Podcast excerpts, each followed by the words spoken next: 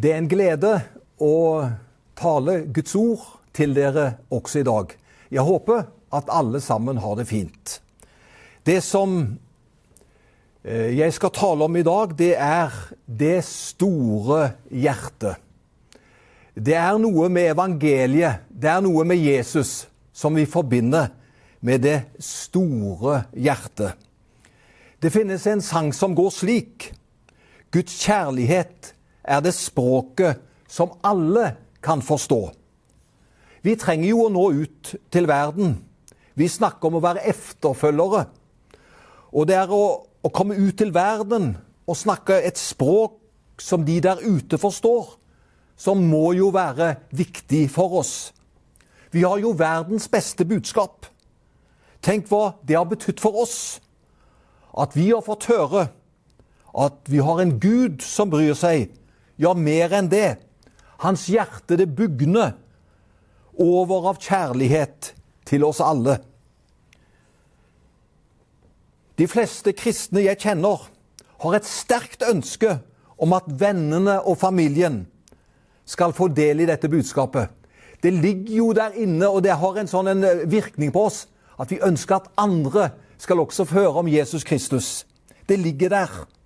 Vennene, familien vår. Og om de kan få lov å gripe tak i Jesus og få møte Han. Og hva kan vi da gjøre for å kommunisere dette på en enda bedre måte, så de forstår det og kan ta det til seg? Dessverre så har kristne vært beskyldt for å være litt nedlatende mot dem som er utenfor. Og dette handlet min forrige tale om. Skal ikke komme inn på det i dag. I dag vil jeg tale om viktigheten av å ha et stort og nådig hjerte. Verden trenger mennesker med det store hjertet. Men ikke minst det kristne fellesskap trenger mennesker som har empati og kjærlighet. Dersom våre liv skal veies og vurderes av andre, da blir det fort et kaldt og guffent fellesskap. Men heldigvis Jesus han viser oss en bedre vei enn å vurdere andre. Har du lagt merke til det at det er nesten naturlig for oss mennesker å dømme litt de andre? Det er jo et gammelt ordtak som sier 'egen lykke er bra', men andres ulykke er heller ikke å forakte. Har du hørt det? Ja, det har du sikkert. Kanskje føler vi oss litt bedre som mennesker dersom vi forestiller oss de andre rundt oss ikke er helt like bra som det vi er. Jesus er alltid aktuell. Han tar opp en kjent fortelling fra Bibelen om bjelken i eget liv og flisen i andres liv. Det som egentlig Jesus snakker om i den beretningen, det er om å dømme andre mennesker for fort uten å ha tatt et oppgjør med våre egne feil og mangler. Og Nå skal jeg sitere fra Hverdagsbibelen. Eh, den parafrasen som på en veldig god måte eh, tar opp det bibelske budskapet, men gjør det enda mer forståelig. Og Da siterer jeg fra Hverdagsbibelen Lukas 6, vers 41 og 42. Og hør hva det står der. Hvorfor ser du så lett andres feil? Den lille flisen i deres øyne. Du har så lett for å påpeke din venns små problemer, mens du merker ikke at du selv har enda større problemer, som en bjelke i ditt eget øye. Hvordan kan du finne på å irettesette en annen for noen småting? når du selv har enda større ting i ditt eget liv som du burde ta tak i. Det er hyklersk. Rydd først opp i egne problemer. Fjern bjelken i ditt eget øye, så vil du se klart nok til å kunne hjelpe dine medmennesker med å fjerne flisen i deres øyne. Jeg syns dette er sagt på en veldig eh, forståelig måte. Eh, vi burde først ta tak i bjelken i vårt eget øye før vi piller på flisen i andres menneskers øye. Problemet med å se andres flis og ikke egen bjelke er, mine venner, at vi møter oss selv i døra veldig fort. Så la oss slutte med den aktiviteten. Det finnes flere fortellinger der Jesus tar opp våre holdninger til andre. Og Jeg vil nevne noen av disse fortellingene. De er jo så fine. Vi kjenner godt til beretningen der Jesus stopper steiningen av ei kvinne ved at han sier Den som er uten synd, kan kaste den første steinen. Det ender med at ingen kaster stein. Det er forresten et godt spørsmål å stille seg. Kan jeg kaste den første steinen? Evangeliet er full av fortellinger om ulike menneskers møte med Jesus. En fellesnevner for dem alle er at Jesus møter alle typer mennesker med åpenhet og fordomsfrihet. Tenk bare på Bartimeus, den blinde mannen som var en tigger, som ropte når folk gikk forbi på veien. Og faktisk alt disiplene prøvde å holde munnen på Bartimeus. Men Jesus går forbi. Han går forbi hopen, og så kaller han den blinde til seg. Og Så kommer Jesus med dette forløsende spørsmålet. Du, Bartimeus, hva vil du jeg skal gjøre for deg? Kall ham hit, sier Jesus, og da ble disiplene interessert. Og de viser han fram til Jesus. Jesus så forbi menneskers holdning. Han møtte den ensomme, blinde Bartimeus. Og han ble helbredet og seende ved at Jesus grep tak i livet hans. For Jesus kan forvandle hvem som helst. Tenk også på beretningen om kvinnen ved brønnen, som vi må anta hadde levd et utsvevende liv.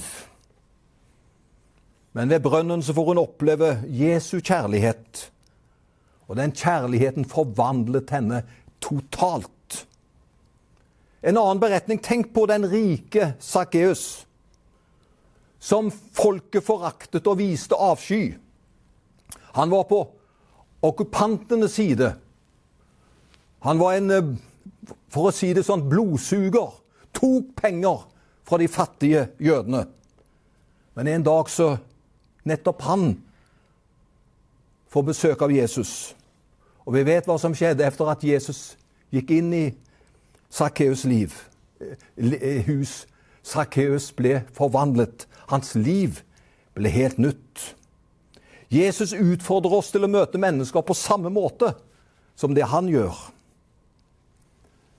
Jeg vet ikke om du har hørt ordtaket, kanskje har du gjort det. For det er et ordtak som heter Den som dømmer din vei, bør gå i dine sko. Det er nemlig så lett å dømme på avstand. Men ved nærhet og kjennskap blir som regel historien og vår konklusjon en annen. Jeg har eh, noe som jeg ønsker å proklamere.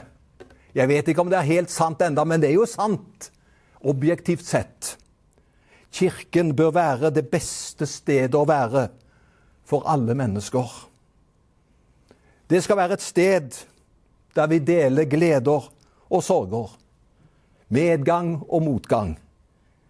Stedet der vi deler levd liv.